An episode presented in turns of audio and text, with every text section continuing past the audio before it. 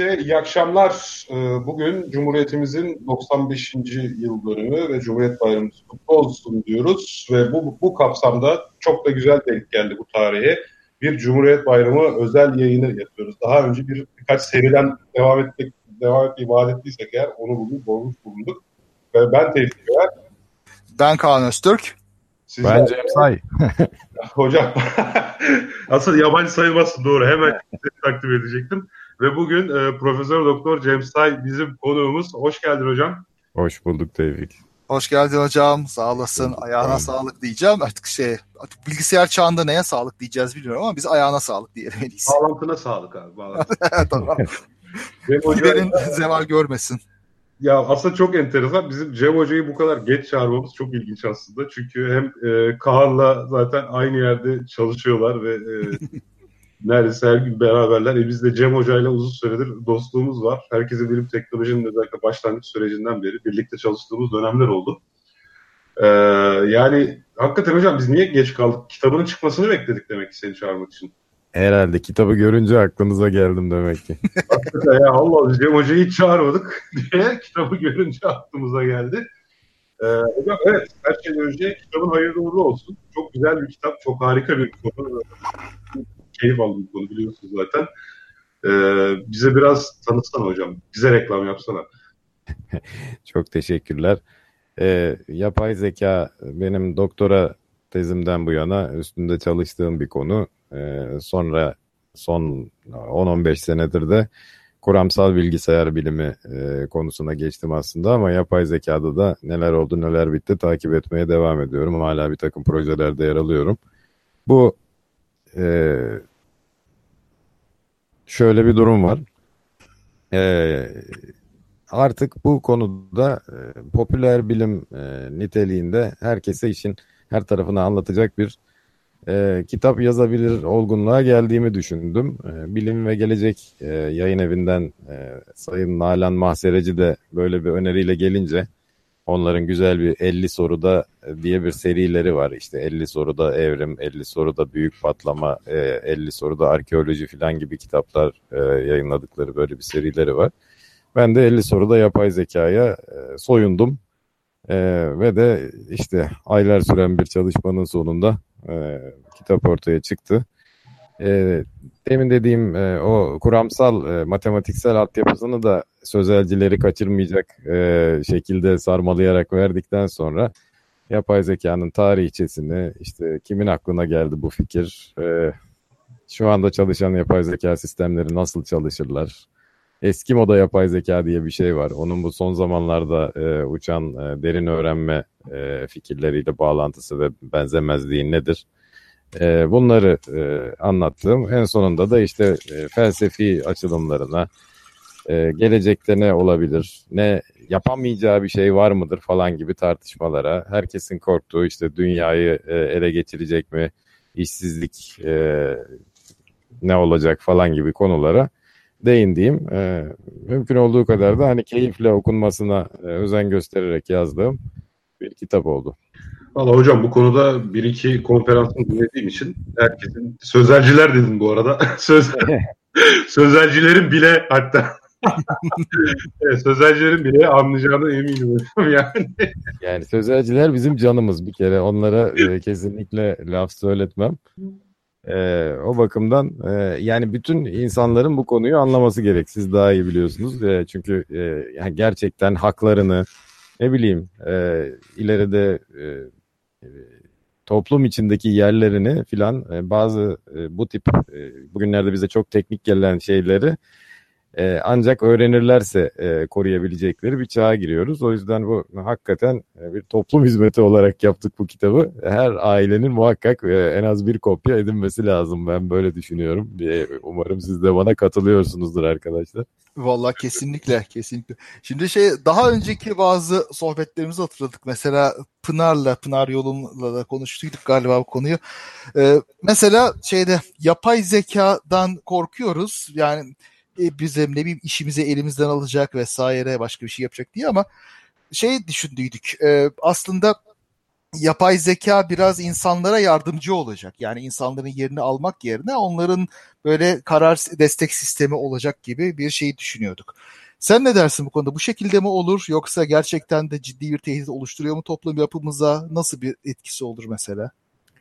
Ee, evet, e, yani amaçladığımız e, insanların hayatını kolaylaştırmak. E, şimdilerde çok akıl kullanmadan aldığımız bir takım kararları daha fazla akıl ve veri kullanarak yani daha doğru kararlar almamızı sağlayacak bir karar destek sistemi oluşması. Ama e, toplum hayatına yine de bir etkisi olabilir, yine de bir tehlikesi olabilir. E, işte mesela bu Brezilya'daki seçimi o korkunç görüşleri olan aday kazanmış mesela. O da tıpkı bu Brexit oylamasında ve Trump'ın seçildiği seçimlerde olduğu gibi yine o aynı e, yapay öğrenme yapan Cambridge Analytica şirketinden e, destek almış mesela. Hmm. E, bu, bu, bunun gibi e, hani kullanımının e, sonuçta ilk başta e, yapay zekayı icat eden adamların e, oldukça idealist kişiler bunlar. E, hayal etmediği böyle e, insanları topluca e, gütme e, teknolojisine de e, etki e, edebilecek yanları var. O yüzden ne olduğunu ne bittiğini bütün bu sistemlerin sosyal medya dahil e, işte telefonlarımız dahil bütün bu kullandığımız sistemlerin nasıl çalıştığını bizim anlayıp mümkünse onlar tarafından ya da onları kullanan birileri tarafından e, güdülmemenin sırlarını e, öğrenebilmemiz lazım. E, yani fırsat ve riskleri bir arada içeren bir teknoloji. Hmm. Her durumdaki gibi daha fazla bilmek e, bizi daha güçlü yapacak bu teknoloji karşısında. Hmm, muhakkak, muhakkak. Yani ama tabii şunu da e, düşünüyorum. İnsanlar biraz gafil avlandı mesela bu tür manipülasyonlar karşısında. Aslında yapay zekanın kendisi değil de bunu kullananlar insanlar yani doğal zeka bizim için tehdit oluşturuyor sanki. Aa, dur hocam. Cambridge Analytica Cambridge Analytica bence yani tabii ki çok kompleks olmakla beraber mesela ben şu Nvidia'nın video değiştirme kabiliyetini e, gördükten sonra yani Cambridge Analytica sonuçta bir şekilde karşınıza bazı reklamlar çıkarıyor. Peki ya karşımıza e, bizi manipüle etmek için çok iyi işlenmiş videolar çıkaran bir sistem ortaya çıktığında ne yapacağız? Ben onlardan korkuyorum daha çok. Evet, evet bu derin öğrenme maalesef o konuda da çok yani tüyler ürpertici e, sonuçlar verebiliyor. Dinleyicilerimize hatırlatalım. Gerçekten yani e, mevcut bir videoda bu, ki bu çok nahoş bir video da olabilir ki bir karakterin e, suratının yerine istediğiniz başka bir ünlü insanın suratını yerleştirip onu e, neredeyse e, orijinalmiş gibi e, sezilemeyecek derecede iyi bir şekilde hani ağzını filan konuşmalarına oturtarak onun sesini taklit ettirerek e, gerçek anlamda sahte dijital deliller üretmek artık son 1-2 yılın teknolojisiyle mümkün. E, bu nereye gider? Yani gördüğümüz hiçbir şeye inanmamamız gerektiğini hani gördüğüne inanmanın temel kural olduğu bir çağa giriyor olabiliriz. E, nasıl olacak bu işler? E, tartışmamız, düşünmemiz gereken önemli konular bunlar. Çok evet, daha önce Halil Babilli'yi konuk ettiğimizde şey Son Gerçeklik Çağı adında bir bölüm yapmıştık. Orada da gelecek yani bu dönemden sonraki insanların en büyük ihtiyacının e, böyle antivirüsler gibi belki de e, bilgisayarımızın bir kenarında veya browserımızda kurulu olan izlediğimiz şeyin bir fact checking böyle doğru mu gerçek mi değil mi diye bir kontrol eden çeşitli kriterlere göre ve onun yüzde olasılıkla şu kadar doğru ya da gerçek diye böyle bize cevap veren yeni hizmetler türemek zorunda olduğu e, kanısına varmıştık. Maalesef. Evet. Yani bu, bu çok önemli bir şey. Yani gerçekten artık e, insanlar bilgilerinin çoğunu da bu e, standart medyadan almıyorlar. E, bu yeni medyadan alıyorlar. Zaten standart medyanın e, nasıl bir yalan e, örgütü olduğunu biliyoruz da artık ona e, onu anladık yani. O yüzden e, belki gerçeğe daha iyi ulaşırız diye e, internet medyasına e, yönelmiştik. Fakat orada da e, yalan e, hani ünlü bir söz var ya hani e, gerçek e, koltuktan kalkıp çizmeleri giyene kadar e, yalan dünyanın çevresinde iki tur atar diye. E, o internet medyasında da yalan ve yalan üreticileri çok daha hızlı davranıyorlar maalesef. Peki bunları sahteliğini anlamada da sonuçta e, yapay öğrenme ve devir birer araç değil midir? Ee, Onun hani hem, hem dert hem yara hem yaravan hem dert hem derman değil mi? Yani. Ee, yani e, bu, bu soru zor bir soru. Bu soruyu düşünmemiz lazım. Ee, en azından bilgisayar biliminin başka bir takım e, öğelerinin yani şeyin filan e, şifrelemeyle ilgili filan bir takım şeylerin en azından bir mesajın, bir bilginin gerçekten iddia ettiği yerden gelmekte olduğunu e, filan teyit etmemizde bize e, yardımcı olacağını biliyoruz. E, bu gibi e, konularda yine bilim bize hani gerçeği savunmak, gerçeği yalandan ayırmak mücadelesinde illaki yardım edecektir. Ama dediğim gibi yani eskiden e, hiç olmayan enteresan yalan türlerinin e, olduğu bir çağa giriyoruz. Bu, bu konuda e, dikkatli olmamız lazım. Hani siz yalan savar ekibi olarak daha bir bu bu aygıtlarla kendinizi güçlendirmeniz gerekecek. Evet ya o ciddi bir şey. Yani şimdi şey var. E, bilimsel bir şeyin mesela sahte bilimin aha doğrusu budur, ispatı da budur diye söyleriz ederiz de yalan bir video çıktığı zaman ortaya e, yani nasıl diyeyim tuz kokmuş gibi oluyor aslında. Yani delil olarak gösterdiğimiz şeylerin yalan olarak üretildiğini gördüğümüzde o da biraz dişlerimiz sökülüyor. Çok korkutucu bir şey aslında burada. Evet belki biliyorsunuzdur ben e, bundan birkaç sene önce yüzlerce insanı haksız yere mahkum etmekte kullanılan bir e, işte balyoz belgeleri, askeri casusluk belgeleri falan diye bir takım dijital belgeler vardı. Onlar evet. E, kanıtlamaya çalışan ve kanıtlayan sonunda bilgisayar uzmanlarından birisiydim. Hı hı. E, vallahi o zamanlar yine işimiz iyiymiş çünkü o, o sahtecilikleri yapanlar hakikaten çok aptalca hatalar yaparak e, e bu hmm. anlamda e, işimizi kolaylaştırmıştı ama dediğim gibi yani gerçekten işte e, Obama'yı falan hiç olmadık bir sahneye monte etmek artık mümkün biliyorsunuz e, ve onlarla e, yine sahteciliğini e, şeyliğini anlatabilirsiniz insanları uzun uzun çalıştıktan sonra ama an Üsküdar'ı geçmiş oluyor. O sırada oylar verilmiş, sayılmış oluyor. E, bu sıkıntılı bir e, döneme girdiğimizi gösteriyor dediğim gibi. E, tabii hatta daha oylar sayılmamış olsa bile bunun yanlışlığını söylesek bile bir şekilde o kafada iz bırakıyor. O Aynen. çamurat izi kalsın tam olarak böyle şeylerde iş görüyor. Aynen maalesef. Büyük bir sorun.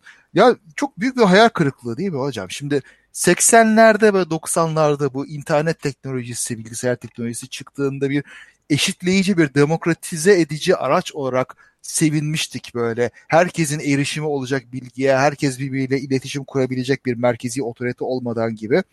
Ama tam tersi şeye götürüyor sanki. Tam tersine çok büyük bir e, otoriteye ve baskıya götürüyor gibi. Hele bir de Çin'de olanları falan da düşünürsek şimdi. Çin tam evet. bir böyle şu anda evet. insanları yapay zeka ile ve takip sistemiyle fişleme durumuna geldi. Daha da korkunç şeyler oluyor bu şekilde. Çok çok büyük bir hayal kırıklığı çıktı sanki internetten. Valla siberpunk edebiyatçılar hiçbir zaman o hayale kapılmayıp hatta bunun e, yani teknolojinin işte tam olarak buralara evrileceğini tahmin etmekte o zaman çok başarılıydılar yani öyle söyleyeyim. Herhalde doğru. öyle doğru. Doğru. Cyberpunk bunu çok uzun zaman önceden görmüştü. Ee, bir kez daha bilim kurgunun faydalarını görüyoruz. Ama öte yandan mesela blok zinciri denen şeyi e, ne bilim kurguda ne başka bir yerde pek e, evet. neden olmamıştı. O mesela yani, enteresan bir şekilde. Yani çok ilginç ama hiçbir bilim kurgu yazarı sosyal medyayı öngöremedi. Sosyal medyayı öngörebilen bir fütürist var ama çok severim. Alvin Toffler. Hmm. Alvin Toffler yani gerçekten bugünü tahmin etmedi. Çok da üzerinden süre geçmedi vefat etmesinin. iki sene oldu galiba. Ee, Alvin Toffler gerçekten de Future Shock, Üçüncü Dalga gibi kitaplarında sosyal medyayı öngörmüş ya. Çok enteresan. Ee, ben de işte sizden daha eski e, zamanlardan beri bilim kurgu okuyan birisiyim. Mesela hiç kimse e, selfie çekme diye bir şeyin olacağını en e, yaratıcı bilim kurgu yazarı bile tahmin edememiş yani. Bu o kadar tuhaf bir şey ki. Hayır yani bütün böyle hayatınla ilgili resimlerini, fotoğraflarını çek ve bunları kendi isteğinle bir şirketin deposuna gönder gibi bir şeyi yazmamıştır Aynen. hiç kimse herhalde. Bunu tarif edince çok iğrenç oluyor zaten. ya bunu yazsalar hadi lan falan öyle. evet saçma. bir kenara bıraktım da hani insanların arabadan yere düşüp eşyalarını saçıp kendi fotoğraflarını ve videolarını çekmesi herhalde e, yani bilim kurgu yazarının bile olasılık vereceği bir çılgınlık değildir. Aynen, aynen. Ve Falling Stars akımı mı vardı? Nasıl bir e, tuhaflıktır ya, evet. Ya onu isteyerek yapıyorlar değil mi? ben birkaç tanesini gördüm. Önce hakikaten düşmüş zavallı falan zannettim. Onu yani bir mizansen olarak herkes kendisi yapıyor değil mi? Hayret bir şey. Evet, İnşallah öyledir yani. Biz bu ya bu programda memetik konusunu da ele aldık da o memetik konusunu ele aldığımızda ben daha böyle bazı önemli eserleri okumamıştım. Ee, aslında bir gün belki de bu konuyu yani insanlar niye böyle saçma davranışlar gösteriyor öyle bu program dahilinde ele alabiliriz diye düşünüyorum. Hmm. İyi fikir vallahi olur. Onu da koyalım sıraya o zaman. Koyalım. Ya ben Ka- Kaan aklımda kaldı. Sen daha yapay öğrenme ile ilgilendiğin için sana sormak istiyorum. Hı, buyur. Yapay öğrenme sayesinde yapılmış muazzam bir sahte videoyu Hı. yine gözetimli öğrenmeyle hani bak bunlar sahte bunlar değildir diye bir şekilde yapay öğrenme yoluyla sahteliği bilgisayara erişebilir miyiz? Ee, bilmiyorum yani. Bunu Cem Hoca daha iyi bilir. Şimdi belki denemek lazım ama mükemmelse zaten ayırt edilemeyecek gibidir. Yani belki rastgele tahminden daha fazla bir şey söyleyemiyor olabiliriz. Sonuçta insan gözü için mükemmel. Ee, evet e, hani e, Türkçesine ne diyoruz? Hasmane e, ağlar dediğimiz bir e, sistem var değil mi? Adversarial e, learning bu e, e, siz bir e, siz bir şeyi yapan bir e, sistem üretmeye çalışıyorsunuz. Bunu e, üretmenin yeni bir e, tekniği de şu. O, o, onun yaptığı e, işlemde hata bulan başka bir sistem de bir yandan üretiyorsunuz. Biri bir şey yapıyor, o onun hatasını bulmaya çalışıyor. O hata bulanın hatasını bulmamasını sağlamak için kendini eğitiyor. Yani kendi kendilerini birbirlerine eğiterek doğru mu anlatıyorum Kaan? Evrim savaşı gibi. Benim çok bildiğim bir şey değil o yüzden sen öyle diyorsan doğrudur.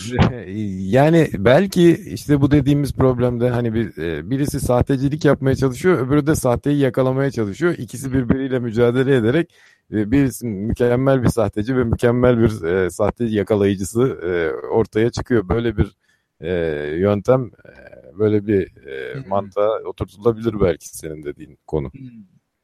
Mantıklı evet. tabii. Yani, tabii. Bir şekilde bu bir evrim savaşı gibi. İşte bir e, biliyorsunuz kuşlarda var.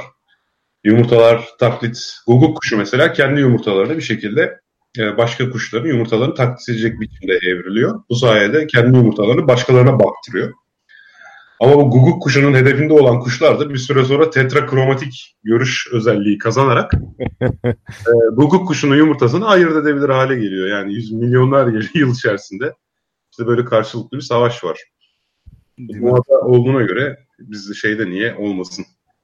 E, bu tür teknolojik savaşlarda niye olmasın diye insan düşünüyor. Evet evet. İyi ile kötünün mücadelesi bu yeni çağda da e, form değiştirse de temelde aynı şekilde devam edecek. Neyse hocam o zaman kitabını tekrar kutlayalım. En kısa zamanda e, elde edeceğim. Ben elde edecektim ama sen göndereceğim dediğin için hala alamadım. Ben Tevfiye kitabımı kesinlikle alma ben sana yolluyorum dedim ve o gün bugündür kitap ortada yok. Hocam gönüllerle çok teşekkür ediyoruz. ben Word'ü gönder hocam bana ben oradan okuyayım. en güzeli o evet. Ben telefonda yazdığım için Word'de değil başka bir formatta yazdım. WhatsApp'tan arkadaşıma yazdım. İyi maşallah. Şimdi e, artık yavaş yavaş konumuza girelim. Evet. E, tekrar yayın eviyle söyleyelim. Bilim ve Gelecek yayın evinden çıktı. 50 soruda yapay zeka. E, eksik söylediysem düzeltin hocam. Doğrudur. Evet söyledim de. E, tüm okurların kendisini okumasını bekliyor şu an kitap. Evet şimdi yavaş yavaş konumuza girecek olursak e, bugün Cumhuriyet Bayramı, Cumhuriyetimizin ilanının 95. yıl dönümü.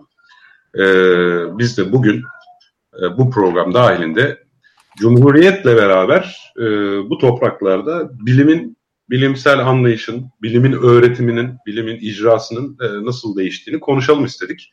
Bu yüzden bölümümüzün adı da Atatürk, Cumhuriyet ve Bilim oldu.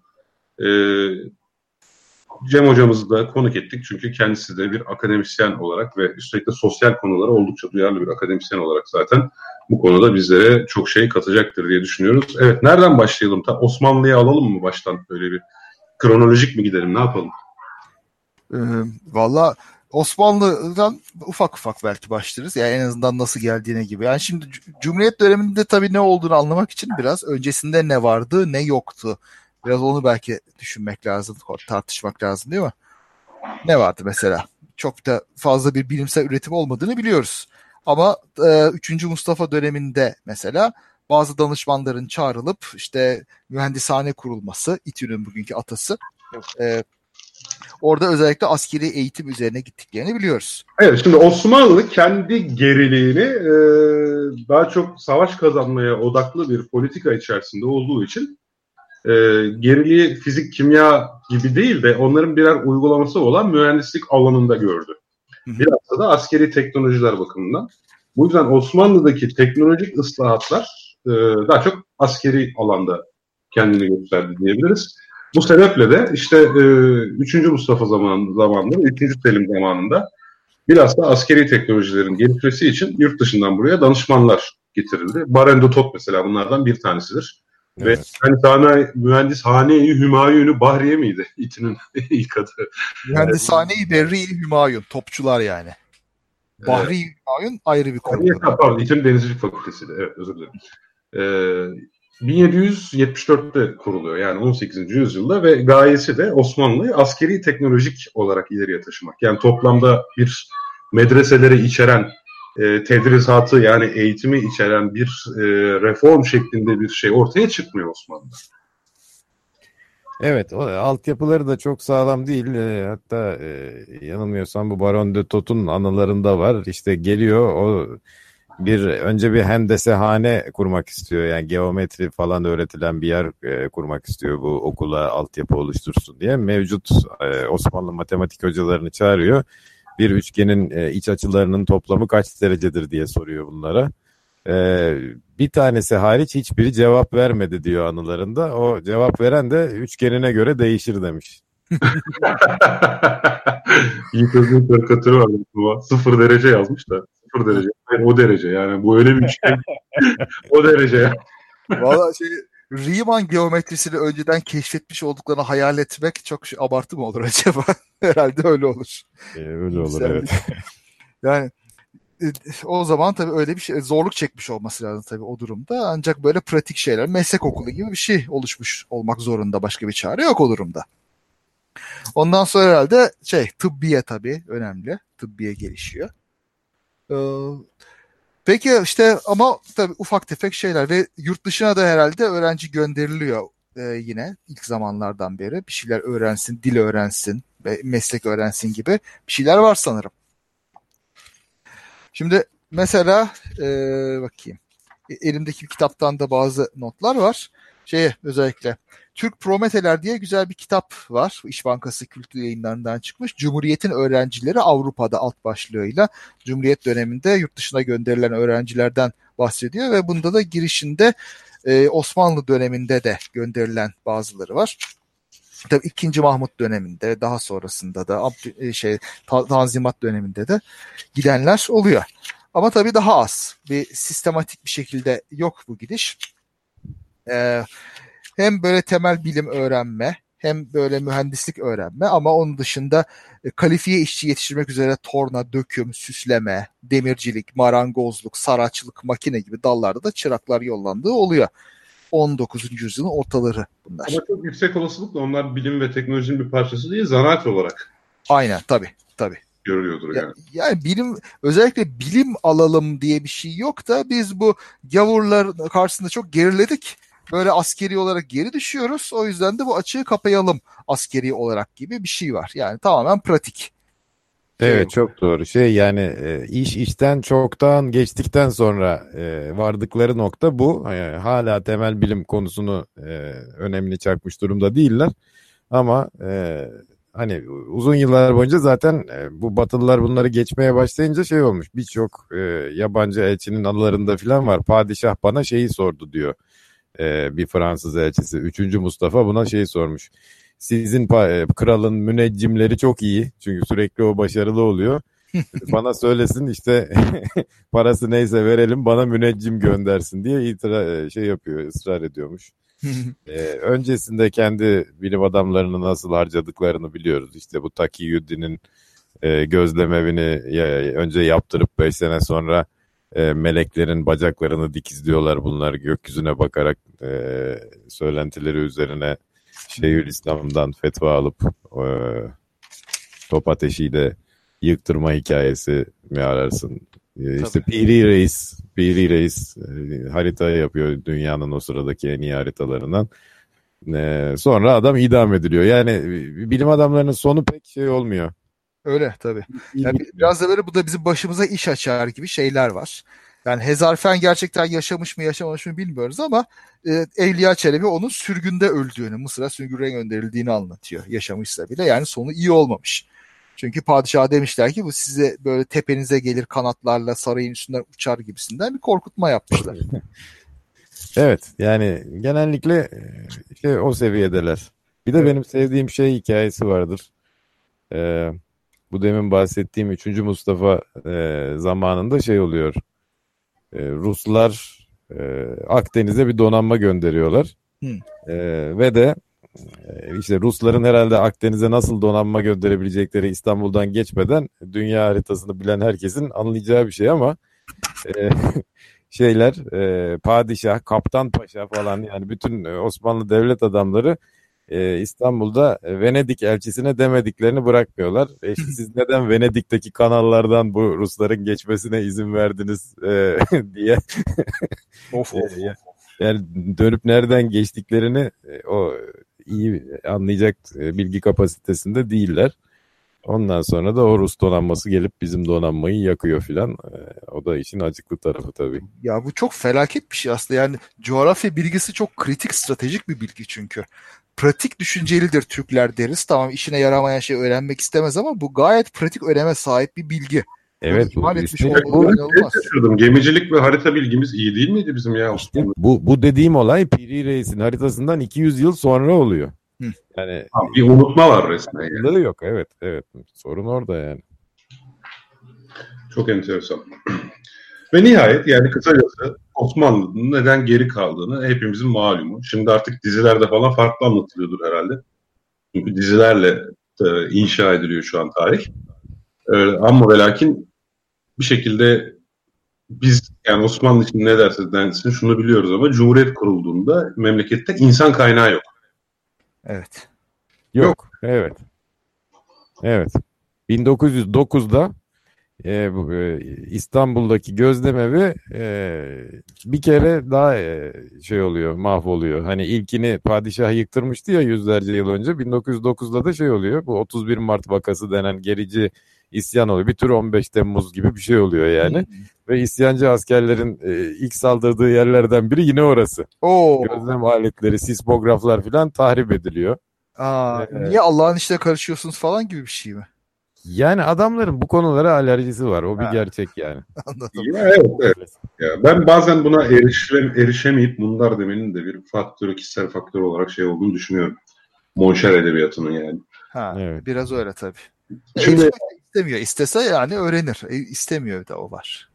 Mesela e, şöyle söyleyelim yani en azından e, mesela Atatürk 1930 yılında bu üniversite reformu yani 1924'te biliyorsunuz e, Türkiye'den bir sürü kişi yurt dışına eğitime gönderilmeye başlanıyor. Hı hı. Mesela Hasan Rıza Soyağ'ın anılarında Atatürk şöyle söylüyor aktardığına göre yani yurdun içinde ve dışında tahsilde yahut stajda bulunan çocukların yetişip birbiri ardından işe atılacakları günler de yaklaşıyor.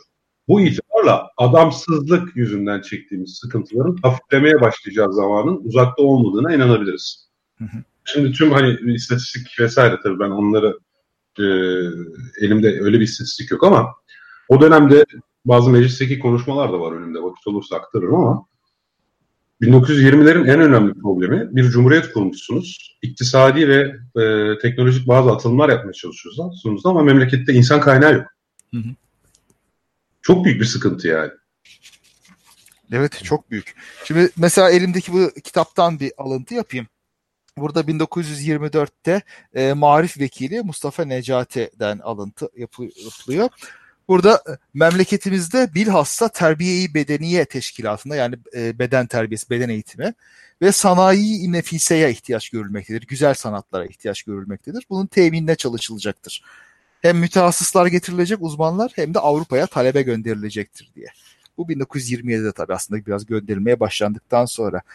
Şey var işte yeni bir devlet kurulmuş ve savaştan çıkmış. Bunun nasıl mali zorluklarla çıktığını aşağı yukarı biliyoruz. Son son derece yoksul bir devlet var. Buna rağmen fen bilimlerinde, siyasi bilimler, sosyal bilimler, güzel sanatlar, arkeoloji, işte müzik ne aklınıza gelirse her konuda e, öğrenci göndermeye çalışıyorlar yurt dışına.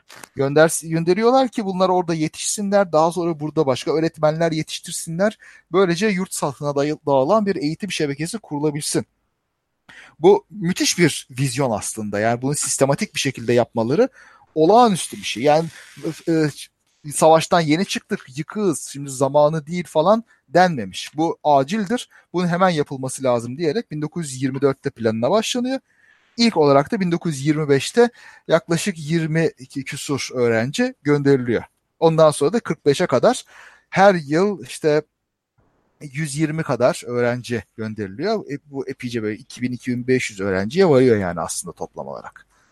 Ayrıca daha özel olarak gitmiş de olanları da sayarsak kendi masrafıyla 5000 6000 gibi öğrenci o dönemde yurt dışında eğitim görmüş oluyor. Güzel bir insan kaynağı oluşmuş oluyor yani bu şekilde. Evet temel mantık zaten şey e, hani biz yetiştirelim onlar da alttakileri yetiştirsinler gibi böyle bir hani logaritmik artacak bir e, mantıkla düşünülüyor her şey. Evet geometrik pardon. Pardon geometrik. bir anlamda logaritmik çünkü niye biliyor musun? Niye? İstanbul Üniversitesi'nde reform yapıldıktan sonra her öğretim elemanı başına 10 öğrenci düşecek şekilde ayarlanıyor her şey. ha az öğrenci alıyorlar yani ona göre. Evet düşününce öyle. Düşünsene bir öğretim elemanı başına 10 öğrenci düşüyor. Tam yani onların hepsinin öğretim elemanı olacağını varsayarsan logaritmik olur o anlamda diyorum. Neyse peki öyle diyelim öyle olsun. Olur. Ee, yani böyle güzel bir girişim var aslında yani bu, bu önemli bir şey. Ve şey de değil bak önemli bir fark benim gördüğüm işte askeri mühendislik falanla kalmayalım diyorlar. Yani adam müzisyen yetişsin diye de göndermiş arkeolog da yetiştirmiş, tarihçi de yetiştirmiş, e, temel bilimler de yetiştirmiş. Yani müthiş insanlar var ve bunların çoğu ondan sonra geldikten sonra e, önemli yerlere gelmişler Türkiye'de. Yani önemli şeyler başlatmışlar, öncüler olmuşlar. Bayağı e, ciddi isimler var. Şimdi zaten bak şuradan bile anlayabiliriz. Ben sana e, Cumhuriyet'in ilk zamanlarında kurulan kurumların adını sayayım yıllarıyla beraber. Hı hı. Buradan hani önceliğin nelere verildiğini anlarsın zaten. İlk olarak 1924'te Zonguldak'ta Yüksek Maden Mühendis Mektebi. Hı. Daha sonra 1926'da Konya'da açılıyor. Gazi Orta Muallim Mektebi ve Terbiye Enstitüsü. Yani Hı. madenleri hemen işlememiz lazım. İki, derhal nitelikte öğretmen yetiştirmemiz lazım. 1933'te Yüksek Ziraat Enstitüsü. Tamam mı? Derhal teknik tarıma geçmemiz lazım. Ve 1934'te Ankara'da Milli Musiki Temsil Akademisi. Yani tüm bunların yanında müzik Tabii. mutlaka yer alıyor yani. Anlatabiliyor muyum? Çok önemli. Yani işte o, o, o liderlik vizyonu işte Atatürk'ün vizyonu bu. Yani burada sadece biz e, mühendis veya teknisyen değiliz diyor. Yani hani bir bakan vardı hani biz şeyiz burada sadece ara eleman yetiştirebiliriz başka bir şey yapamayız diyen bir bakan vardı. Atatürk bunun tam tersi. Biz her şeyin en iyisini yaparız demiş müzisyenin de, ressamın da, mühendisin de, bilimcinin de en iyisini yapabiliriz demiş adam. Buna göre de insan yetiştirmeye çalışmış. Bu olağanüstü derecede takdire şayan. Harika bir şey ve o şartlar altında. Şeyi ekleyeyim burada. Çağlar Tüfekçi sağ olsun müdavimimiz bize çok güzel burada bir aktarıyor bilgiler. Mesela Ahmet Adnan Saygun, Cemal Reşit Rey evet. yurt dışına gidenler arasında. Şeref Akdik, Cevat Dereli, Muhittin Sebati bunlar ressamlar. Yani bunlar ciddi öncü olmuş insanlar. E, arkeologları da düşünürseniz işte e, bakayım listeden Ekrem Akurgal bunların arasındaydı. E, başkaları da tabii var. Sedat Alp mesela. Bunlar Oktay Aslanapa bayağı ciddi işler yapmış arkeologlar. Onun kimya Türkiye'nin ilk kadın kimyacısı mesela Remziye Hisar yine yurt dışında okumuş. Feza Gürsel'in annesidir aynı zamanda. Yani güzel bir gelenek oluşturuyor. Yani entelektüel geleneğin oluşması, tohumlarının atılması var orada. Yani evet. güzel bir atıl, atılım olarak başlamış. şeyden de ayrıca zaten az sonra bahsetmeyi düşünüyorum. Bu ilk üniversite reformundan sonraki kadın erkek öğrenci oranları. Hmm. Bazı bölümler için bugünkü bölümlerden bile yüksek olabilir yani öyle söyleyeyim. Tabii tabii. Bak işte mesela Atatürk'e önem verdiği şeylerden biri de bu açık olarak kadınların da e, öne çıkması. Sadece öğrenci olarak değil işte hoca olarak, araştırmacı olarak. Mesela Afet İnan'ın e, özellikle bu tarih te, e, tezi üzerine yaptığı çalışmalar, yaptığı sunumların konferanslarda, uluslararası konferanslarda sunulması bayağı iyi bir vitrin oluyor Türkiye için. Yani bir kadın tarihçi bu kadar bu konusunu iyi araştırmış ve şeyde fasafiso şekilde de sunmuyor. Tamam biz şimdi Türk tarih tezini bilimsel bulmuyoruz ama kendi dönemi içinde ciddiye alınabilecek bir tez olarak geliştirilmiş. Bilimsel itirazları güzel şekilde karşılanmış ve bu insanları etkiliyor tabii. Ya yani biz geri bildiğimiz Türkler içinden birisi çıkmış bir kadın çok güzel bir şekilde anlatıyor bilimsel nitelikli bir şekilde. Vay canına ne hale gelmiş Türkiye diye insanlar şaşırabiliyor böyle bir şeye. Tabii canım dünyadaki modern ülkelerde hala kadınların bilimdeki pozisyonuyla ilgili büyük ön yargıların olduğu dönemde Türkiye'de bir kadın kolaylıkla profesör olabiliyordu. Evet aynen. aynen. Şimdi heh. başka e, ne geliyor aklınıza Atatürk döneminde bilim deyince? Cem evet. Hocam ne dersin? Ben, e, önce küçük bir reklam yapayım. Benimkiyle birlikte aynı zamanda e, çıkan İlham Veren Cumhuriyet Kahramanları e, Öncü Kadınlar diye bir kitap var. Özlem Özdemir'in yazdığı Kırmızı Kedi'den çıkan. Bu dediğimiz insanların birçoğu e, yani kadınların e, başka bilim adamı yani bilim insanı olmayanlar da var aralarında ama demin adını saydığımız e, öncü kadınlarımız e, bu kitapta anlatılıyor. 25 tane e, Atatürk döneminde bir şeyin ilki olan e, Cumhuriyet'in o e, çağında e, başaran ve de örnek olan e, kadınların e, çocuklar ve gençlere yönelik anlatan bir kitap. İlham veren Cumhuriyet kahramanları öneririm. Evet. Ee, şeyi işte üniversite reformu tabii e, Atatürk'ün hani bilim e, konusuna esas damga vurduğu konu e, Türkiye'de tabii. o. Kendi yaptığı bilimsel çalışmalarında bahsedebiliriz yani resmen geometri e, terimlerini kendisinin Türkçeleştirmesi. Ya böyle hikaye gibi yani inanılır gibi bir şey değil. Bir cumhurbaşkanı oturuyor ve e, resmen matematik kitabı yazıyor, ders kitabı yazıyor. Orada Türklerin anlayacağı bir şekilde e, geometrinin bütün temel terimlerini e, Türkçeleştiriyor. E, yani dünyada örneği var mı bilmiyorum. Çok enteresan. Yok yani yoktur. Umarım tarih tekerrür etmez. e, bu anlamda diyorsun. Yani aslında e, bizim aile olarak öyle bir hikayemiz var. Benim babam e, 1937'de Atatürk'ün son e, gezilerinden birinde Sivas Lisesi'nde öğrenci ve de e, Atatürk oraya geliyor ve babamların sınıfına giriyor ve bu geometri terimleriyle ders veriyor. Yani böyle bir e, rahmetli babam anlatırdı. E, işte yani ve ilk defa olarak daha daha kitap oraya gelmemiş. Yani onlar hala işte bir müsellesin e, zaviyetanı bilmem nesi filan diye e, Arapça laflarla anlamaya çalışıp öğrenememişler. Atatürk geliyor ve onları o e, Türkçe kelimelerle anlatınca e, bir kere insan üçgenin ne olduğunu bir Türksen eğer zaten hop diye anlıyorsun mesela. Çünkü çok fazla ezberlemene gerek kalmıyor. E, bu, ya da eşkenar üçgen demek yeterli aynen, işte zaten. Aynen ne olduğunu anlıyorsun. Yani inanılır gibi bir şey değil gerçekten hani. Sahiden.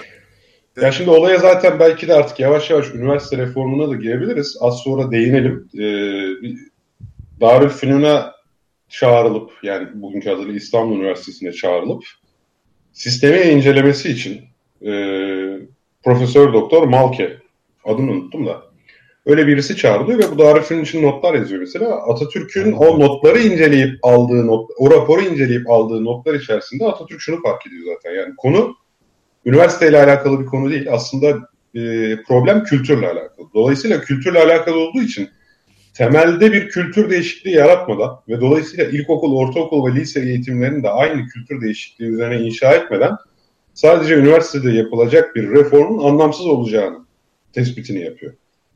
Ve bu tespiti yaptığı için zaten çok yüksek ihtimalle ta en temele inip bir geometri kitabı yazarak e, bu mevzuların yani bu terimlerin Türkçeleşmesi, dolayısıyla bilimin anlaşılır hale gelmesi, sade hale gelmesi bilimin yine yani gündelik dille konuşulan Türkçe ile yapılmasını daha e, ekstra zaten önemsediğini hem düşüncelerinden biliyoruz hem de uygulamalarından biliyoruz.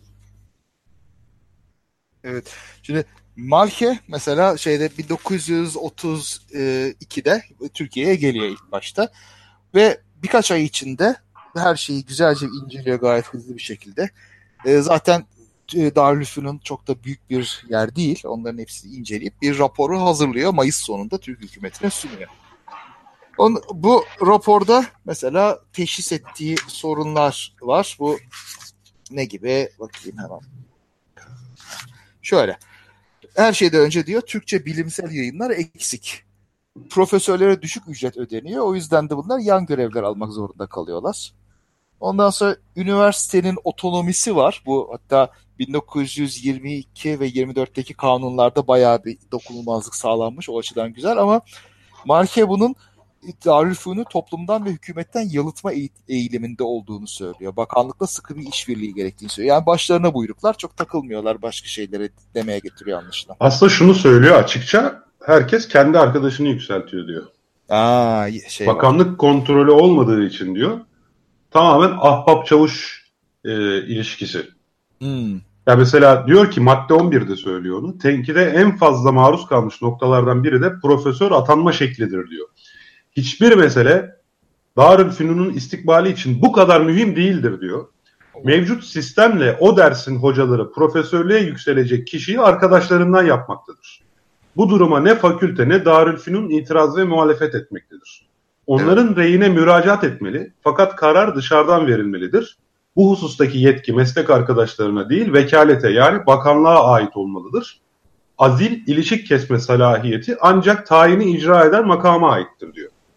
Yani e, aslında bu özelliğin yani zaten Atatürk'ün üniversite reformu senin söylediğin gibi 1924'teki sağlanan özelliğin geri alınması yönünden eleştiriliyor ama yani bizde maalesef o zamanki yerleşik kültür sebebiyle bu ahbap çavuş ilişkisine dönüşü veriyor hemen. Herhalde ki Marke'de zaten bunun tespitini yapıyor. Evet zaten şey de söylüyor. Ders metodu hiçbir şey vaat etmeyecek şekilde eskimiştir. E, bu da bir teşhis. Ansiklopedik bilgi olarak ezber bilgi veriliyor yani. Ne deney yapılıyor ne seminer veriliyor ve böyle bir uygulama var. Öğrencilerin yabancı dil bilgisi çok yetersiz. Ve Türk profesörlerinin, gelecek Türk profesörleri İstanbul Üniversitesi'nde yetişmesi henüz mümkün değildir. Bu konudaki eğitim yurt dışında yapılmalıdır muhakkak. Yani e, yet, bilimci yetiştiremiyorsun diyor. Çok ilginç. Öyle sorunlar var. Ciddi bir reforma geçmek zorunda kalmışlar bu yüzden. Evet ve bu arada ya kitap bir de sıkıntısı da, da var zaten. Bir de şunu da eklemek lazım. Biraz da siyasi gerilim de var. Şey var. Ankara ile İstanbul arasında e, Cumhuriyet'in ilk zamanlarından beri gelen bir e, e, gerilim var. Ve evet. bu Darülfünun'a da yansıyor. Evet, yani devrime yeterince destek e, vermiyor Darülfünun hocaları. Yani sessiz kalıyorlar. E, çok da memnun oldukları e, söylenemez. E, Ankara'da da işte ateşli bir devrimci hava esiyor. E, böyle bir e, uyumsuzluk var aralarında. Ama hani Darülfünun'a üniversite demek aslında doğru değil gerçekten. Yani e, her ne kadar 1800'lü yıllarda kurulsa da e, hiç e, Avrupa'daki çağdaş üniversitelere benzemeyen e, dediğimiz gibi bir e, ahbap çavuş e, kurumundan ibaret. Medrese mantığıyla hani, ilerliyor zaten. Yani. Evet yani kapatılıp kadrosunun yarısı falan işten atılınca da e, kalitede bir azalma değil artma olacağını görüyoruz. Aslında şey var tabii bu kapa- şeyde reformda pek çok kişi işten atıldığında gayet nitelikli bazı hocaların da işten atıldığı görülebiliyor. İşte İsmail Hakkı galiba vardı aralarında ama başkaları da var. Ee, orada bir kuru, kurunun da yaşın yanında yanması gibi bir sorun olmuş. Ama ondan sonra herhalde ufak ufak bir şekilde kendini doğrultmuş gibi görünüyor. E, onlar geri dönmüşler bir şekilde. Yani dönmeseler bile açılan enstitülerde değerlendirilmişler galiba konunun yanında yanan yaşlar. Olabilir. Valla işte e, ilk atanan rektör e, Cemil Bilsel galiba. Bu işten çıkarılanların çoğu ülkemizin değerli ve çalışkan çocuklarıydı. Bu şekilde daha ziyade verimli olabilme olanağı ve bundan böyle çalışma şansı tamamen ellerinden alınmış oldu diye de yazıyor İstanbul Üniversitesi tarihi içinde. Kitabı e, içinde. Ama oluyor maalesef böyle şeyler tarihin cibriyesi olarak. Şimdi, Şimdi şunu da bu... ekleyeyim. Bu bir evet. şey var. Demek istediğim kusura bakma böldüm lafını da. Reşit Galip o zamanın marif vekili. Çok da ilginç bir adamdır ama e, şimdi şöyle diyor. Bugün çalışmaya başlayan İstanbul Üniversitesi ile bu 1 Ağustos 1933 dünkü Darülfünun arasında hiçbir ilişki yoktur. Üniversite yeni bir kuruluştur. Çıkan kanunda zaten Darülfünun bütün kuruluşları, öğretim üyeleri ve ana yapısıyla kaldırılmıştır ortadan diyor kanunda. Şimdi bu şu açıdan ilginç. Yani bugünkü İstanbul Üniversitesi'ne baktığında kuruluş tarihini 1453 diye yazıyor. Aslında bu o açıdan baktığında doğru değil. Çünkü 1933'te kurulmuş bir kurum bu resmi olarak, hukuki olarak bu belgeye göre. Bir, bir, bir bazen geçmişe dönük bir geleneksel bağı vardır e, şeklinde belki bu savunulabilir Boğaziçi Üniversitesi'nde olduğu gibi ama artık o var mı yok mu ona bakmak lazım ayrıca. Neyse pardon böldüm lafını sen, sana devredeyim de. Ha yok yok yok çok da şey değil. Hani neden üniversite reformuna karar verildiği ile ilgili Reşit Galip'in tam olarak da senin bahsettiğin kişinin bir İstanbul Üniversitesi'nin açılışında yaptığı konuşma var. Hı hı. Mesela bu konuşmayı şöyle aktarayım. Memlekette büyük politik ve toplumsal dalgalanmalar olmaktaydı. Darülfünun bunun karşısında tarafsız bir seyirci rolü sürdürdü. İktisat alanında önemli değişmeler olmaktaydı. Darülfünun bunlara tamamen ilgisiz görünüyordu. Hukukta köktenci değişiklikler yapıldı. Darülfünun yalnızca yeni kanunları, ders programlarını almakla yetindi. Yazı reformu yapılmış, dilin özleştirilmesi hareketi başlamıştı. Darülfünun bununla hiçbir surette ilgilenmiyordu. Yeni bir tarih değerlendirilmesi ulusal bir hareket anlamında bütün ülkeyi sarmıştı. Darülfünun'un buna karşı ilgisini uyandırmak için 3 yıl beklemek ve çabalar sarf etmek gerekti. İstanbul Darülfünun'u en sonunda sustu, kendi kabuğuna çekildi ve adeta bir orta çağ yalıtılmışlığıyla dış dünyadan tamamen koptu diyor. Açılış konuşmasında. Tabii şimdi şöyle bir şey de var. Ee, biraz da eleştirel yaklaşmak lazım. Hani yeni cumhuriyetin ortaya koyduğu yeni dil tezleri, tarih tezleri o zamanki bilim insanlarına çok gerçekçi gelmemiş olabilir. Evet, o da bir faktör Doğru. aslında. Evet, yani e, ama hani bunu dil tarih coğrafya için anlarım da şimdi Reşit Galip tabii Reşit Galip bunu söyledi yüzde yüz böyledir demiyorum ama yani bir yandan hukukta ve iktisatta büyük değişimler olurken bunlara ilgisiz kalıyorlarsa bunu o dil ve tarihteki kadar rahat açıklayamayız galiba. Ya tabii yani bir yozlaşma tabii genel olarak umursamazlık var. Ama bazı şeyleri de ya mesela Fuat Köprülü gibi aslında nitelikli insanlar da var onun içinde. Ve onlar bu güneş dil teorisi gibi şeylere pek de metelik vermemişler. O var, o bir gerçek. Ve Şemsettin Günaltay'ın mesela ki bu, bu Türk tarih tezi ve güneş dil teorisinin ciddi bir e, savunmasını da yazmıştır. Orada bayağı ağır bir dille eleştiriyor. İşte zavallılar falan gibi kelimeler kullanarak bir bilimsel makalede pek olması beklenmeyen şeylerle. E, bu, bu da bayağı bir etkili olmuş olsa gerek aslında şeylerde. E, tasfiyelerde. Ama birçok şey iç içe geçmiş. Yani o tasfiye edilmeseydi çok süper bir kurumdu demek doğru değil elbette. Yani bir bozulma illaki var. Ha, tabii tabii. Biliyorsunuz Milli Mücadele döneminde Darülfünun öğrencileri aralarında örgütlenmişlerdi. Çünkü hocaları tamamen İngilizlerin tarafındaydılar. Evet. Ee, onların protestolarıyla beraber. Yani zaten Darülfünun'un bu üniversite reformundan önce de bir tasfiye tarihi var. Yani oradan tasfiyeler çeşitli sebeplerle oluyor. Birincisi öğrencilerin grev ve protesto, grev diyorum ya. Protestoları sebebiyle. E, boykot. E, boykot, evet, boykot ve protestoları sebebiyle birkaç Rıza Tevfik gibi adamlar falan atılıyor oralarda.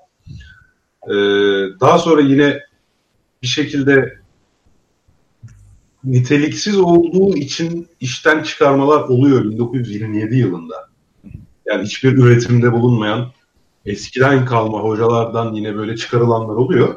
Fakat üniversite reformu bu arada ilk defa bir e, Türk devrim tarihinde bir şey için reform adı. Üniversite, sadece üniversite için kullanılıyor bu. Bu da enteresan bir bilgi bence. E, sadece bu reformda yarısından fazla da az önce oluyor ama detayını notlarımda bulmaya çalışıyorum. 59 kişi hariç herkes çıkarılıyor. Hı. Yani 151 hocadan yalnız 59'u kalıyor. Düşündüğünüz zaman bu yüzde 33 demek. Yüzde 43'te biri diyelim. Sadece üçte biri kalıyor. Gerisi gidiyor yani. Evet. Öyle yani ve ondan sonra da yeni bir dönem başlıyor gibi en azından kısa e, ömürlü bile olsa 1930'lar ilginç bir dönem mesela. 1930'larda evet, e, sayesinde e, çok kaliteli bilim adamları bu sefer Türkiye'ye geliyor. Evet. Şimdi ne zaman başladı o Yani hangi yıllarda başladı? 33'ler 34'ler gibi mi başladı? Yani şimdi o başlama aslında başlama bile doğru tabir değil Kaan. Niye biliyor musun? Bu insanlar baskıdan falan kaçmadılar. Kanun maddesiyle ari ırktan olmayan profesörler emeklidir artık. Birinci madde. Yani Alman değilsen emekli oldun zaten. Hani İkincisi de eğer Nazi değilsen Nazi ilke ve inkılaplarına bağlı kalacaksan üniversitede kalabilirsin yoksa istifa etmelidir diye ikinci madde. Yani öyle bir yasayla bir günde olan bir şey yani ciddi ciddi. Evet. Evet. 1934'te e, Kaan demin sen soruyordun. 10 Nisan 1934'te yayınlanan bir kanunla e, İstanbul Üniversitesi'nde istihdam olunacak yabancı hocalarla ilişkin e, düzenleme yapılıyor. İşte onların maaşları Türklerinkinden daha yüksek oluyor filan. Yani çok gayet elverişli e, koşullarla e, ama enteresan e, mesela 3 yıl içinde Türkçe öğrenme koşulu gibi koşullarla bu yabancı profesörler davet ediliyor. Hatta Reşit Galip'in de çok göçmen bilim adamlarıyla imzalanan anlaşma sırasında söylediği enteresan bir laf var. 500 yıl önce biz İstanbul'u aldığımızda Bizans'ın önde gelen bilim adamları ve sanatçıları ülkeyi terk ettiler. Bunlar İtalya'ya gidip Rönesans'ı başlattı. Şimdi Avrupa'nın aldıklarını bize geri verme zamanı gelmiştir. Vatanımıza yenilikler getirin, çağdaş düzene ayak uydurmamızı sağlamanızı, yeni nesile çağdaş bilimde ilerleme yolunu göstermenizi umuyoruz diyor. Bayağı romantize etmiş. Güzel. Evet, tarihsel bir de yapmış. Bu arada az önce bahsettiğim Alman kanunu 7 Nisan 1933 tarihli devlet memurlarının statüsünün yeniden belirlenmesi yasası. Madde 1-2 demiştim. Yanlış madde 3-4'müş. Yani madde 3 ağrı yılından olmayan memurlar emekliye ayrılırlar. Net böyle. madde 4'te şimdiye kadarki politik faaliyetleri milli devlet için, milli devlet için tırnak için alıyor. Her an ve her türlü tehlikeye göze alacağı hususunda kesin kanaat vermeyen memurlar işten çıkarılabilirler. Yani bir ülkenin en iyi e, bilim adamlarını da içeren bir grup bilim adamını saçma sapan bir şekilde işten çıkarmasının uzun vadede onun faydasına olmadığının bir örneğidir Almanya. Öyle diyebiliriz herhalde. Tabii aynen öyle. Aynen, aynen. Tabii şimdi Almanya'da böyle oldu. Şimdi şunu söylemekte fayda var.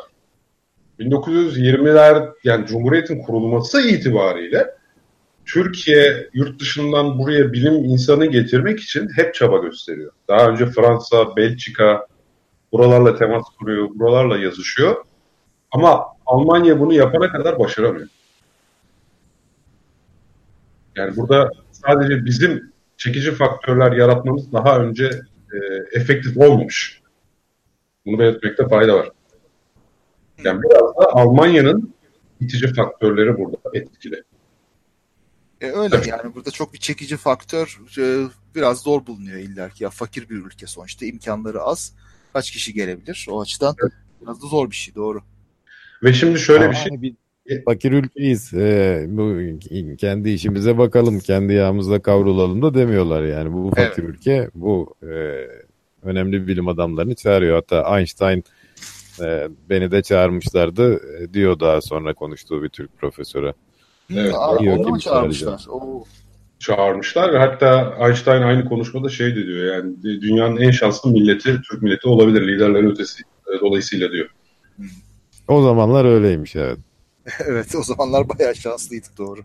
Tabii şimdi şunlardan da bahsetmek lazım. Almanlara buraya hangi şartlar aldı? Şimdi birincisi şunu söyleyelim. Almanya'dan o esnada bu sebeplerle Almanya'yı terk eden bilim insanı sayısı 3000 civarında.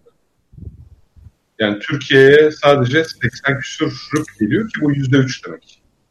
Yani şey de değil. E, hani Almanya'da kaçanların büyük çoğunluğu buraya geldi değil. Biz çok küçük bir kısmını buraya alabildik.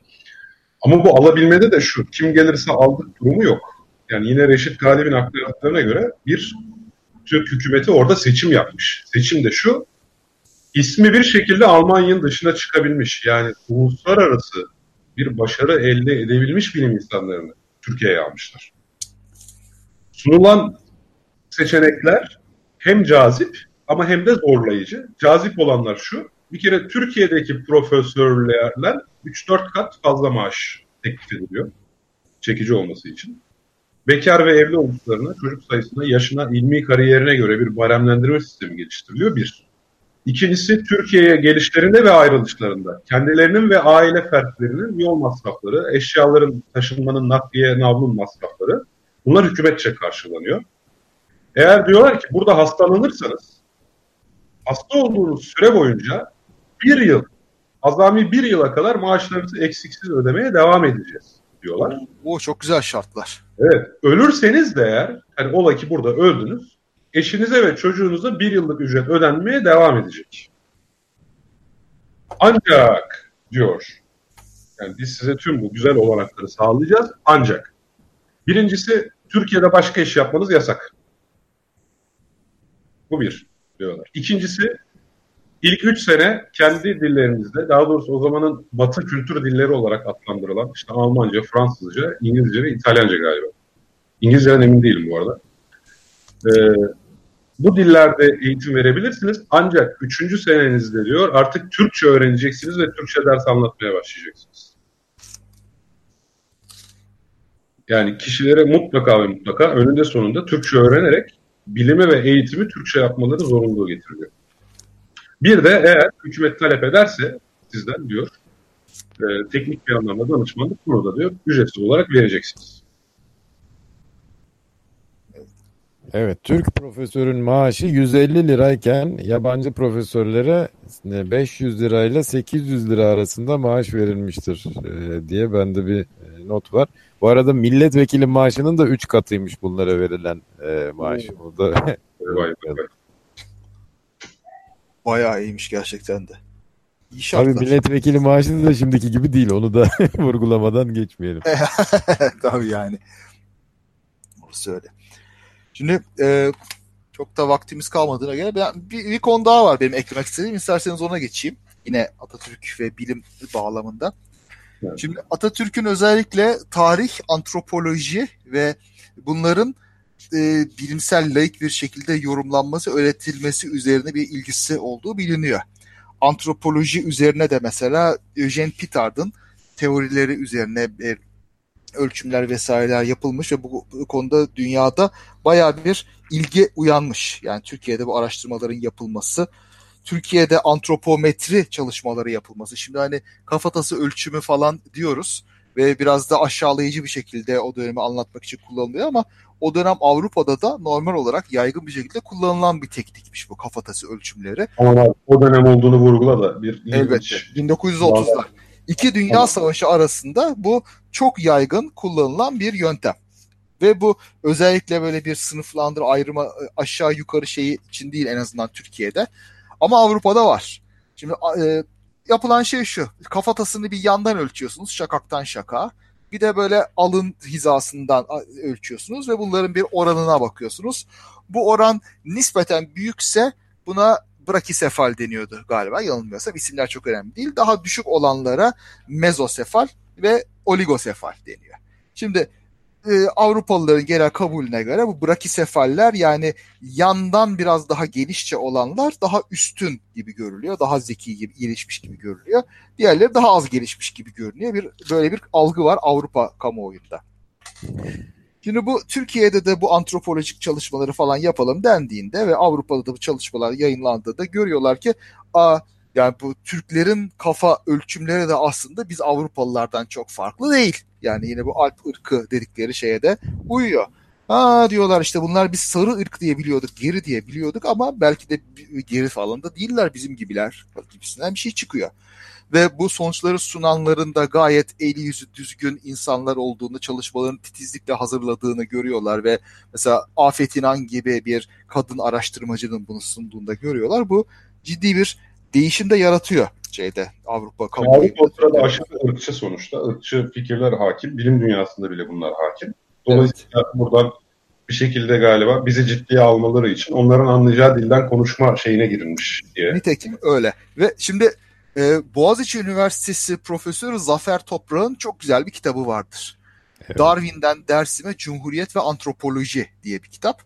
Yani Cumhuriyet döneminde antropoloji, tarih, dil vesaire gibi bilim dallarının gelişimini, entelektüel gelişimini çok güzel anlatan epeyce ayrıntılı bir kitap. Herkese tavsiye ederim. Madem ki bugün kitap tavsiyesinden gidiyoruz. Üçüncüsü de bu olsun. Şimdi orada dediği de şu. Yani bizde evet bu kafatası ölçümleri yapılıyor ama bunlar etnik temelli bir ayrımcılık yapma amacıyla yapılmıyor. Yani ölçümler yapılıyor. Mesela ders kitabında bu e, fark olsa bile bunlar önemli değildir o kadar. Çok büyük bir rol oynamaz, iyi, ciddi bir faktör değildir gibi bir şerhte düşüyorlar bunlarda. Yani illa ki de abi senin kafan şöyle, sen o yüzden geri dur, sen aşağı ırksın gibi bir şey uygulanmış değil.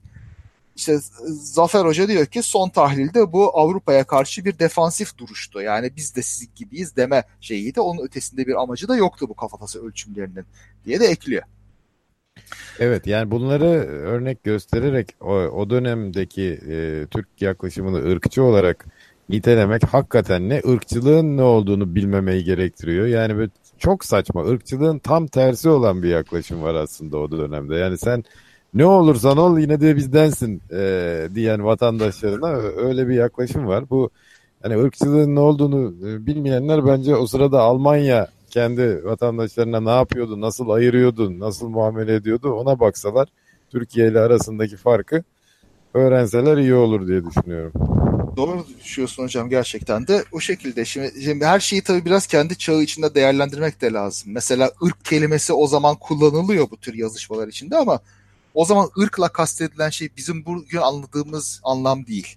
Bugün biz milletle ne kastediyorsak o zaman ırkla o kastediliyor. İşte Türk ırkı dendiğinde Türk milleti demek gibi bir şey oluyor. Çünkü o zaman millet kelimesi daha böyle dini grupları tanımlamak için kullanılan bir şey.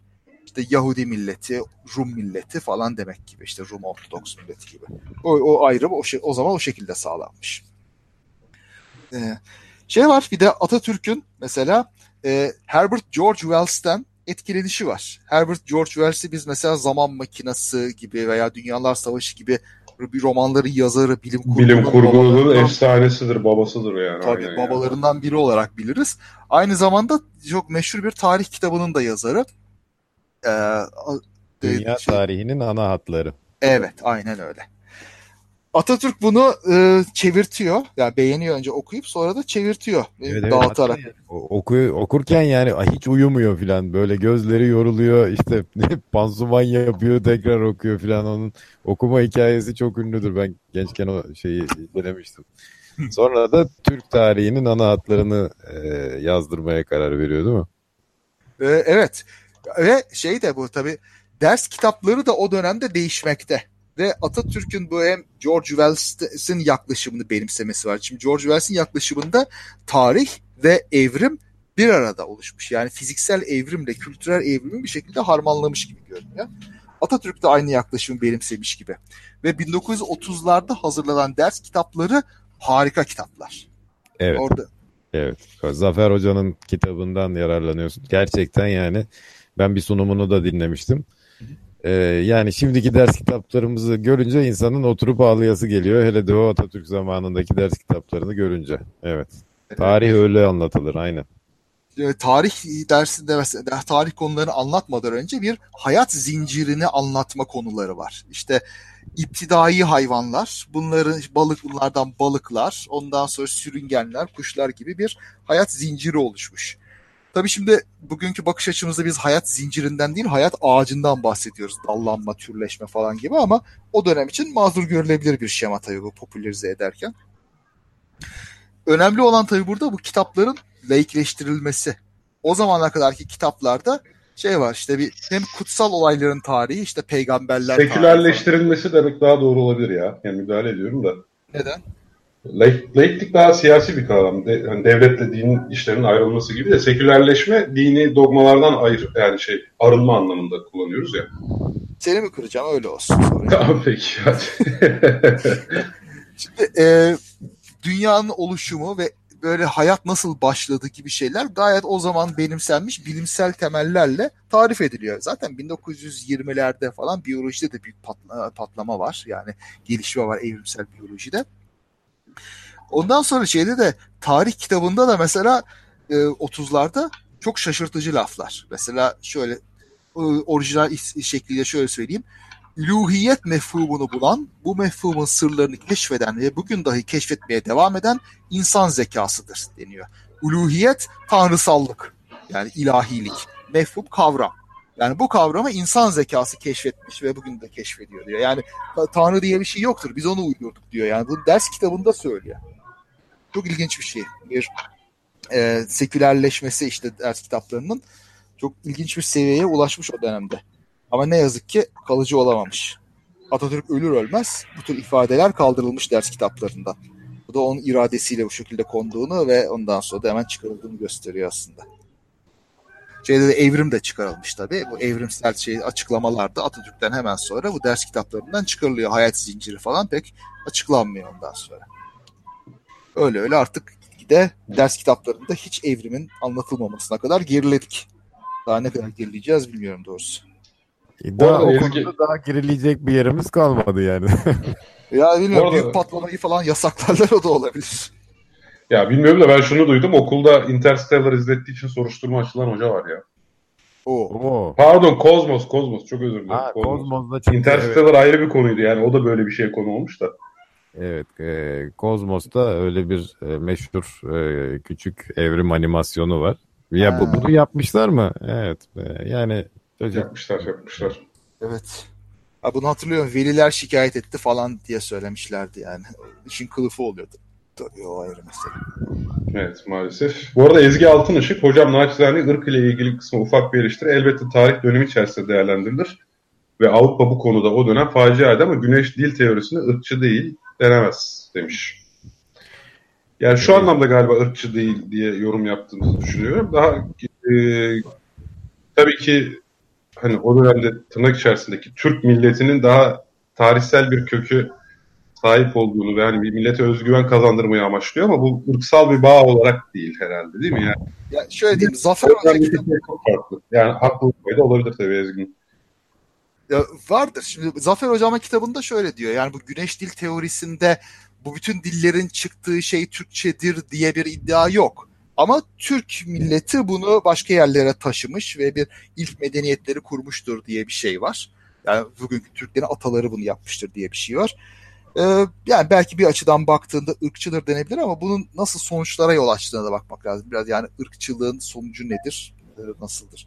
Ya o dönem Atatürk'ün projelerine stabil ve yani kafasında ilk başta hep bir plan var ve ona göre icra ediyor gibi görmemek lazım.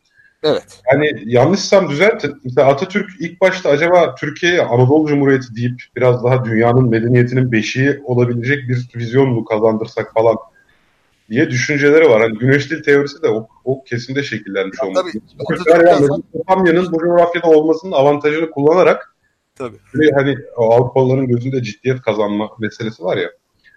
Sanki Atatürk onu kullanmak istiyor bir şekilde. Tamam mı? Ama hani nerede kullanacağı konusunda pek başarılı olamamış gibi. Ya şimdi çok pragmatik bir adam bir kere ve yanlıştan dönmesini de biliyor. Güneş dil teorisinde çok ısrar etmedi. Birkaç sene sonra bu işin biraz saçmalamaya başladığını gördüğünde daha fazla üstünde durmadı. Aslında güneş dil teorisi biraz şeyde özleştirmenin de kılıfı gibi bir şeydi. Şimdi özleştirme, dil özleştirmesi biraz böyle uçuk yerlere vardığında ya acaba özleştirmesek ne olur? Şimdi geri dönmek de olmaz. Ya, ama bu güneş dil teorisine göre zaten bütün diller Türkçeden çıkma. O zaman biz özleştirmesek de zaten Türkçeyiz gibi bir kılıf da galiba var işin içinde birkaç kaynaktan gördüğüme göre. Muhtemelen şu da var. Atatürk Dörkheimci. Yani Ziya Gökalp Dörkheimci ve Türkiye'nin ilk kuruluş yıllarında hakim olan sosyoloji Ziya Gökalp aracılığıyla Durkheim'in işlevselci sosyolojisi ve Durkheim'in kültüre olan yaklaşımı var. Galiba şimdi Atatürk e, toplumun hani yeni bir tarih yazarken bunu mutlaka yeni bir kültür, özellikle de insanların e, sarılabileceği bir kültür, bir kültüre dayanma ihtiyacı hissetti. Çünkü eksik kalırsa e, şey kalacaktı. Yani şeyler eğreti kalacaktı. Zannedersem onunla ilgili projeler bunlar ve işlevi gördükten sonra da rafa kalktı gibi geliyor. Evet yani biz tabii biraz yumuşak bakıyoruz. Yani belki başka başkası bizim yerimizde olsa daha sert eleştirirdi. Evet, ama her zaman bir ulus yani. kurulurken o ulusla beraber bir de mitlerini de beraber götürüyorsun yani. Sen şuradan geldin, sen şusun gibisinden bir kök salsın diye. Her zaman her yerde olan bir şey tabii bir yerde bu. Evet, meta anlatılara ihtiyaç var. Tamam mı? Yani e, Ziya Gökalp de zaten bunu yapmaya çalışıyor. O zamanki oluşturulan formül de şu yani. Batı medeniyetindenim. İşte yani Türk kültürünün, İslam dinindenim diye böyle bir e, sentez. Çünkü İslam kültürü yerine bir Türk kültürü koyabilme çabası var. Bu da işte ancak meta anlatılarla olabilir. Başka türlü olmaz. Doğru. Yani o o dönemlerde bilim e, ve devletin karışması nasıl oluyor diye bakarsak başka ülkelerde e, bizdeki bilimin e, yine devlet müdahalesinden, e, devrimcilerin müdahalesinden e, oldukça bağımsız olduğunu görebiliriz. İşte bu Sovyetlerdeki e, şu e, evrim karşıtı e, adamın adı neydi? Lisenko muydu? Evet, evet. Yani bir, bir ona bakın. E, değil mi? İşte şeyleri Almanya'nın yazı sırada yerli bilgileri hiç şey yapmayın. Ee, yani hani Atatürk bilime saygı duyuyor. Yani e, tek kelimeyle, tek cümleyle özetlemek gerekirse bilime saygı duyuyor yani. Ee, adamın ideolojisi bu yani. Bu bu şekilde özetlenebilir. Ve gerçekten de e, hani benim kendisini çok sevmemin e, temel sebebi bu. Böyle bir e, devlet başkanı ben daha sonra o boyutta görmedim yani. E, Doğru. yararını biliyor. Çünkü e, Osmanlı'ya olan bunun tersinin zararını görmüş, yaşamış bizzat. E, kurtuluşu bu, burada görüyor. Yani birçok Hocam mikrofonun pozisyonu sebebiyle nefesi, nefesi şey yapıyor. E, tamam. yapıyor. Şimdi çok uzakta kaldı. E, işte şöyle bir şey yapalım o zaman. Ha, tamam böyle güzel. E, yani bence doğru yolu tutturmuş. E, çarenin bilimde olduğunu, geleceğin bilimde olduğunu görmüş. E, tarihi okumuş. İşte bilime sarılanların e, uzun vadede e, kurtuluş umudunun ne olduğunu görmüş. Türkiye'yi de e, o kafaya göre e, yerleştirmeye çalışmış. İşte bilim, bilgi neredeyse onu alıp insanların kafasına koymamız gerekir gibilerden bir fikri olmuş. Daha iyisi bulunana kadar bence bu e, en iyi fikir yani. Evet. Yani ben de şöyle ama toparlamak isterim söylediğini hocam. Yani e, Atatürk en azından doğa bilimlerine hiç müdahale etmemiş. Yani başka ülkelerde yani Fransa'da, Almanya'da, Sovyetlerde doğa bilimlerine dahi bir müdahale var. E, Atatürk'te her devrim sonrasında toplumu biraz hani e, devrimin şartlarına getirmekte kullanılacak kadar belki dil, tarih alanında biraz e, müdahalelerde bulunmuş gibi görünüyor. Ama onda sebeplerini açıkladık ve çok kısa bir süre sonra zaten bunlardan da vazgeçildiğini ifade ettik. Evet yani bu açıdan işte Cem Hoca'nın dediği gibi bilime inanmış bir insan. E, bilime inanarak bir de şunu deneyelim, bir de bu hipotezi deneyelim bakalım ne çıkacak. Aa çıkmadı o zaman bırakalım demekte bir yanlışlık tabii ki yok. Hatta dürüstlüğün gereği bu. O açıdan takdir edilebilecek bir tavır gösterdiği de anlaşılıyor pragmatik bir şekilde. Gerçekten de dediği gibi işte tek mürşit, hayattaki en hakiki mürşit bilim. Başka bir şey yok. Yani böyle güvenebileceğimiz tek şey bu ve bunun da örneği olmuş her zaman. Her zaman okumuş, her zaman incelemiş, derinlemesine düşünmüş pek çok şeyi. O açıdan örnek olacak bir insan. Bilim açısından, düşünce açısından. Evet. Ve saati 10-15 yaptık. Ee, Cem Hocam son sözlerim varsa onları alalım. E, Cumhuriyet iyi bir fikir. E, yani güçlü ve e, kendini düşünmeyen, e, halkını düşünen bir önderin e, çok zor bir durumdan halkını çıkarmak için e, çalışan ve başaran bir e, insanın e, bize armağan ettiği iyi bir fikir. E, bu sayede gerçekten e, Osmanlı döneminde devam ediyor olsaydık e, hiçbir şekilde e, potansiyelini gerçekleştirme şansı bulamayacak olan e, pek çok halk çocuğu e, büyük başarılara e, imza atabildi, yükselebildi, büyük mevkilere gelebildi. E, Aziz Sancar diye bir e, halk çocuğu gidip Nobel ödülü alabildi. E, Cumhuriyeti e, kurduğu için Atatürk'e teşekkür borçluyuz. Daha sonra onun ideallerine göre yürütülemediği için ondan sonrakilere daha az teşekkür borçluyuz diyebiliriz. Ama işte formülü o vermiş demin de bahsettik. E, uzun vadede e, çıkış hatta hayatta kalış için e, ulusların yapması gereken şey e, bilime sarılmak, akla sarılmak. E, umarım bu saatten sonra hem bireysel hem de e, ulusal çapta e, biz tekrar o rotaya gireriz. Evet temennimiz o yönde. Yavaş yavaş olacak herhalde. Atılan e, şeyle tohumlar sağlam kökler saldıysa en sonunda o yola yine gireceğiz ümidiyle. Ben de 3-5 cümle söyleyeyim o zaman da. Ee, yani Cumhuriyet e, fazilettir sözü böyle en kısa hem en özlü söz gibi geliyor bana. Bir ikincisi de Cumhuriyet kimsesizlerin kimsesidir sözü. Hatta aslında ben bugün yayında söylemeyi planlıyordum. Bu 1933 e, şeyden sonra, üniversite reformundan sonra bir ulaştığım yüksek lisans tezi var. Kaan unutursam tam program bitmeden kaynakları belirtmem lazım lütfen. tamam. O yüksek lisans tezinde zamanında yapılmış bir araştırma da var. Üniversitede okuyan öğrencilerin ana babaları ne iş yapıyor diye. Baktığınız zaman büyük çoğunlukla işçi ve çiftçi olduğunu görüyoruz. Yani bu üniversite reformu neticesinde binlerce insan üniversitede tıp fakültelerinde, mühendislik fakültelerinde, ticaret fakültelerinde eğitim alma hakkı kazanan insanların Osmanlı'daki gibi belli işte zengin ailelerin, e, tüccarların çocukları değil, işçilerin ve çiftçilerin çocukları olduğunu görüyoruz. İşte Cumhuriyet kimsesizleri kimsesizdir. Sözünü de bu yüzden çok seviyorum ki bu üniversite reformu bile bize bunu sağlamış. Var yani son bin senede herhalde yani bir şekilde bağlantılı olarak Osmanlı'yı katarsak bin sene demeyelim de ürettiğimiz en büyük eser Cumhuriyet gibi duruyor. İnsanlar bunun kıymetini an, anlıyorlar, anlayacaklar da bunun kıymetini daha evvel bilmeyenler giderek daha da anlayacak diye temenni ediyorum ben de. Evet, inşallah böyle musibet gelmeden anlarız da, elimizdekini kaybetmeden anlarız da böylece tamir etmesi kolay olur bazı kayıplar olsa bile diyelim. Fazla da uzatmayalım o durumda.